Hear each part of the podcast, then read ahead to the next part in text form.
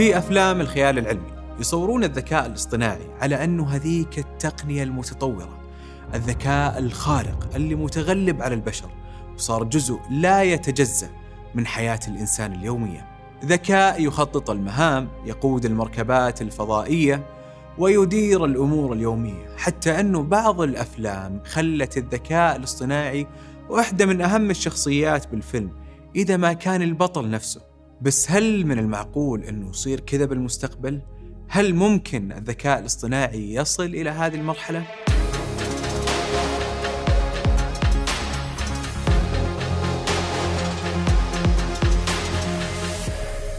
حياكم الله أنا راكان وهذا برنامج فيوتشر تك اللي نستعرض ونحلل فيه أفكار وواقعية بعض التقنيات المستخدمة بأفلام ومسلسلات الخيال العلمي وتركيزنا اليوم راح يكون على فيلم 2001 A Space Odyssey.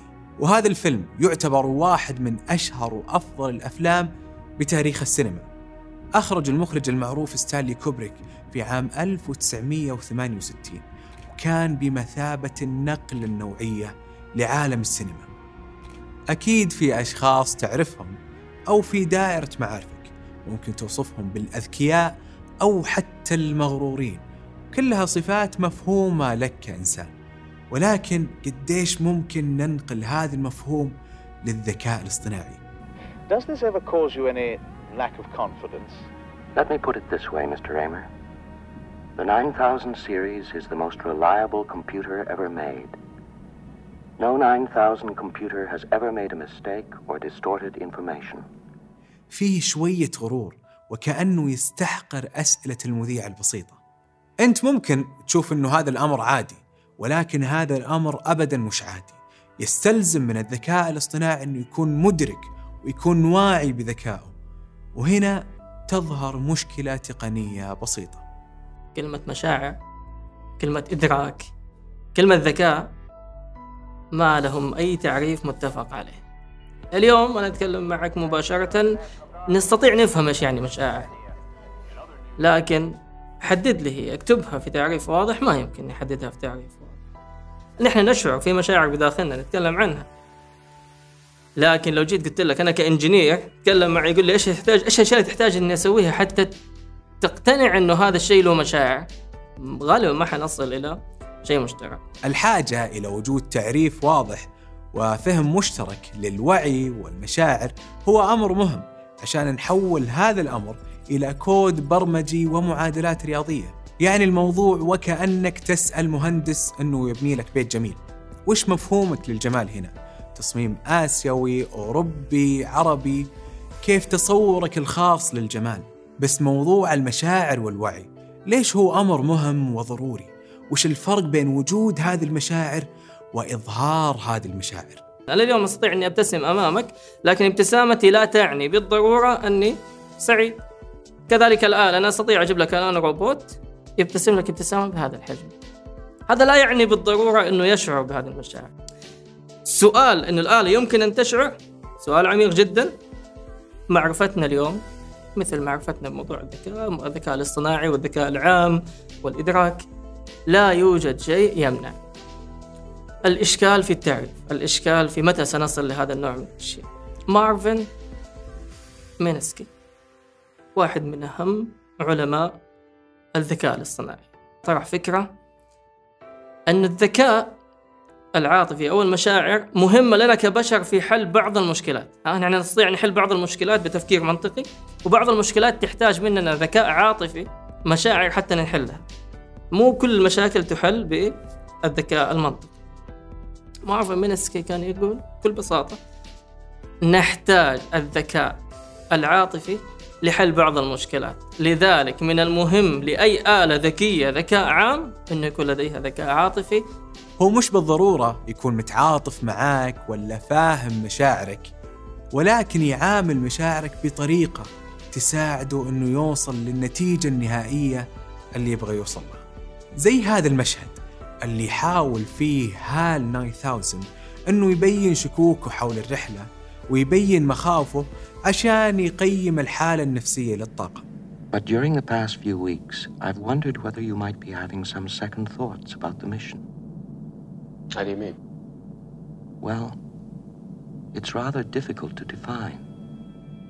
بس في جانب مخيف للذكاء العاطفي واللي ممكن يخلي الآلة تصل لمرحلة القضاء على البشر باستخدام هذه الأداة وكل هذا عشان تحقق هدفها الرئيسي اللي صممت من أجله.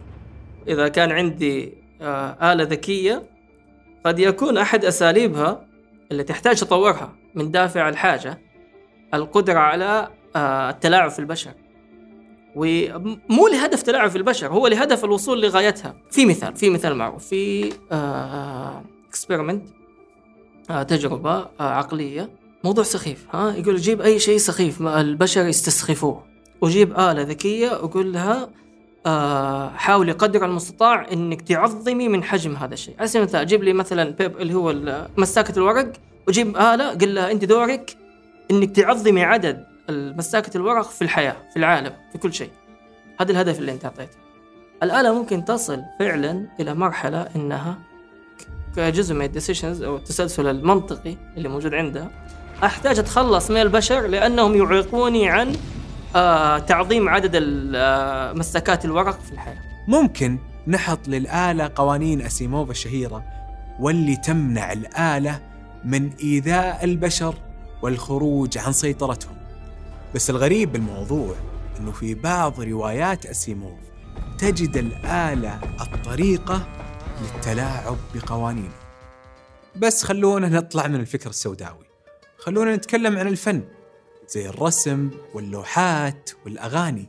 وهذه تعتبر أحد أهم الجبهات اللي نحب نقارن فيها بين الإنسان والآلة. لأن لو نتذكر كلام الدكتور مازن الفن ما له تعريف واضح لا في المجال العلمي ولا حتى في حياتنا الواقعية. أنت ممكن تحب محمد عبده وأنا أحب طلال مداح واللي ساكن في أمريكا يشوف إن كل هذا إزعاج.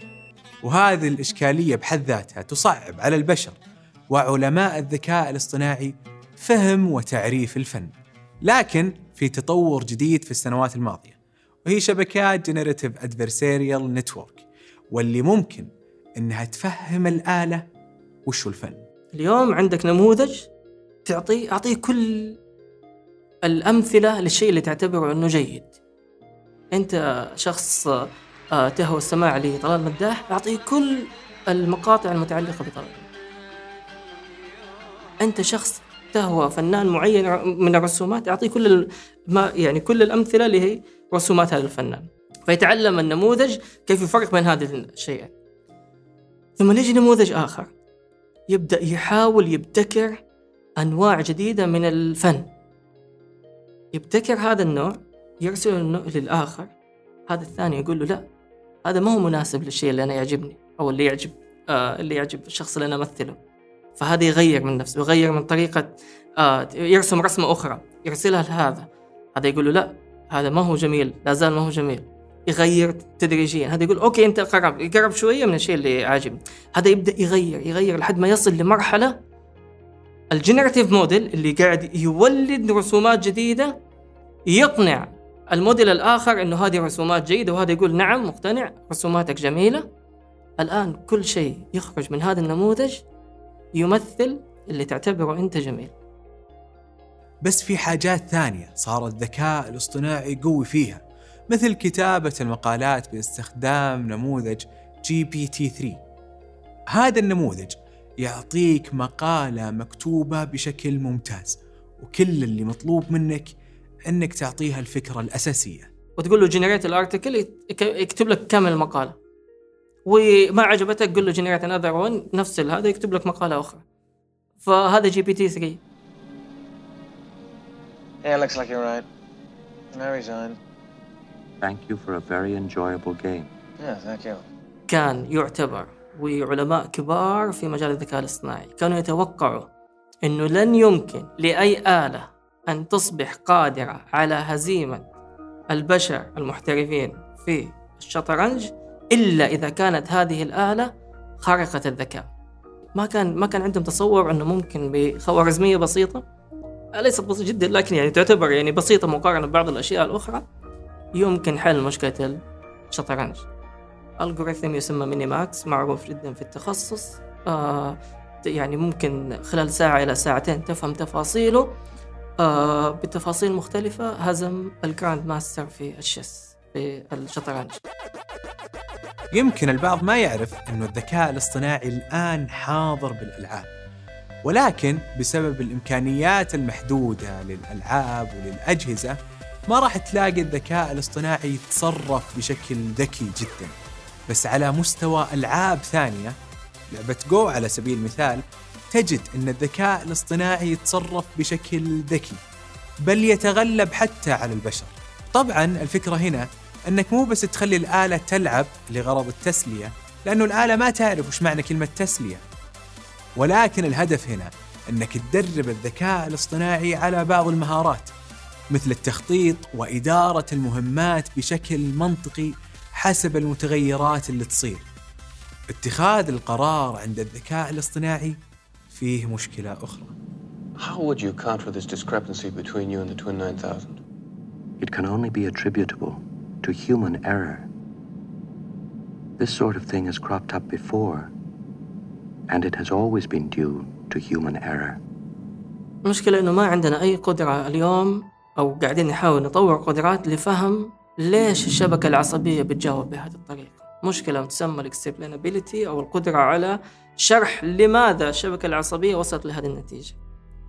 فبدون أدنى شك يمكن لنفس النموذج بنفس البيانات وبنفس يعني كل الإعدادات فقط المختلف هو بداية ال random seed اللي نبدأ به نصل لنتيجتين مختلفتين. وكل نموذج قد يكون عنده آه، مستوى عالي جدا من الثقة في أنه هذا هو الجواب الصحيح. هذه الأيام الكل صار يحلف إن الجوال يسمع كلامهم ويوريهم إعلانات بعد ما كان يتجسس عليهم. ولكن دائما ننسى إنه الجوالات لها كاميرات تشوفنا فيها وممكن تقرأ شفاهنا. بس هل وصلت الآلة لهذه القدرة ولا ما زال الأمر مجرد خيال علمي؟ آه، يعني يمكن أنك تطور نظام قادر على قراءة الشفاه وزي هذه الأنظمة موجودة فعليا على فكرة وتعتمد على تدريب الذكاء الاصطناعي على شكل نطق بعض الكلمات. فهذا نعم هذا بحث نعم كان موجود. بكل بساطة إنه الآن الفيديو بنشوف في شيء بيتحرك. ف... ومن خلال خبرتنا السابقة في كيف إنه مثلا هذه الشجرة إذا تحركت كيف يكون صوتها؟ نستطيع ان نستنتج أو نتوقع كيف حيكون صوت هذا الشيء اللي بيتحرك أمام الكاميرا. فإذا كانت الآلة قادرة على أنها تقرأ الشفاه أو حتى تسمعنا فهل من الممكن أنها تستشعر الخطر مننا وتحاول أنها تقضي على البشر عشان تحمي نفسها؟ اللي صار هنا أنه هال 9000 حس بالخطر تجاه البشر وخاف أنه البشر لما يصحون من النوم راح يطفونه الأمر اللي يعني لهال الموت بس من ناحية تقنية وعلمية في مشكلة لأنه يكون عندي الآلة إشكالية في ترتيب الأولويات حسب ما نحن نرتبها نحن كبشر وهذا يعني غالبا يكون منبعه بدايته إن الهدف اللي معطى للآلة آه ما هو معطى بطريقة كاملة وواضحة المعالم وتغطي كل القيم المختلفة لنا كبشر Stop, Dave. I'm afraid. Dave. في هذا المشهد اللي في نهاية الفيلم نشوف أنه عقل هال عبارة عن أقراص صلبة مقسمة لعدة أقسام وكأنها مستوحاة من العقل البشري اللي العلماء يقولون أنه مقسم لأقسام مثل جزء للسمع وجزء للبصر وغيره بس هل الذكاء الاصطناعي الحالي مبني بهذه الطريقة؟ نعم اليوم عندنا آه تخصصات كبيرة جدا في الحاسب الآلي علوم الحاسب لل distributed system أو الأنظمة الموزعة. و آه، عندنا مجالات تتعلق بتوزيع مثلا إذا كان عندي نظام ذكي أستطيع أني أوزع آه أجزاء من آه قدراته الإدراكية على أنظمة مختلفة. وأعطيك مثال بسيط جدا. اليوم لو كان عندي نظام قادر على مثلا نظام آه ذكي ل- لأتمة البيوت على سبيل المثال قادر على أنه يشوف ويحلل الصور وقادر على إنه يسمع ويحلل الكلام. ممكن أحط هذا النظام في server وهذا في server أو هذا في في كمبيوتر وهذا في كمبيوتر في مكانين مختلفين. مو بالضروره يكونوا موجودين. يكون في آه، متحكم آه، يستخدم الأجهزة المختلفة أو الأنظمة المختلفة حتى يطلع بنتيجة. طريقة يمكن كانت آه، كانت لطيفة جدا في العرض في الفيلم لكن اليوم نعم موجود. ممكن يكون عندنا أنظمة ضخمه جدا كبيرة جدا موزعة بحيث إنه إذا فصل واحد منهم يصير عندي نقص في جزء من القدرات الادراكية. هل أنت خايف؟ آه بالعكس يعني متطلع جدا للمستقبل اللي حنشوف فيه. الآلات هذه موجودة وقوية جدا. تخيل معايا. أنت يا جميل طورت نظام ذكي بذكاء البشر. بالضرورة هذا النظام قادر على تطوير نظام أذكى. صحيح لأنه لأنه تطوير الأنظمة الذكية هو جزء من ال intelligence activities ال العمليات الذكية. فحيصير في تطوير نظام أذكى منه ثم الأذكى ويصير عندنا هذا الانفجار في وهذا التسارع حيكون يعني أعتقد شوف اليوم نتكلم على سنتين ثلاث سنين النقطة اللي نصل فيها لهذه المرحلة قد نكون يعني بيننا وبين الانفجار المتعلق بال intelligence agency نتكلم على أيام نتكلم يمكن أقل من كذا. فحيصير في تسارع رهيب.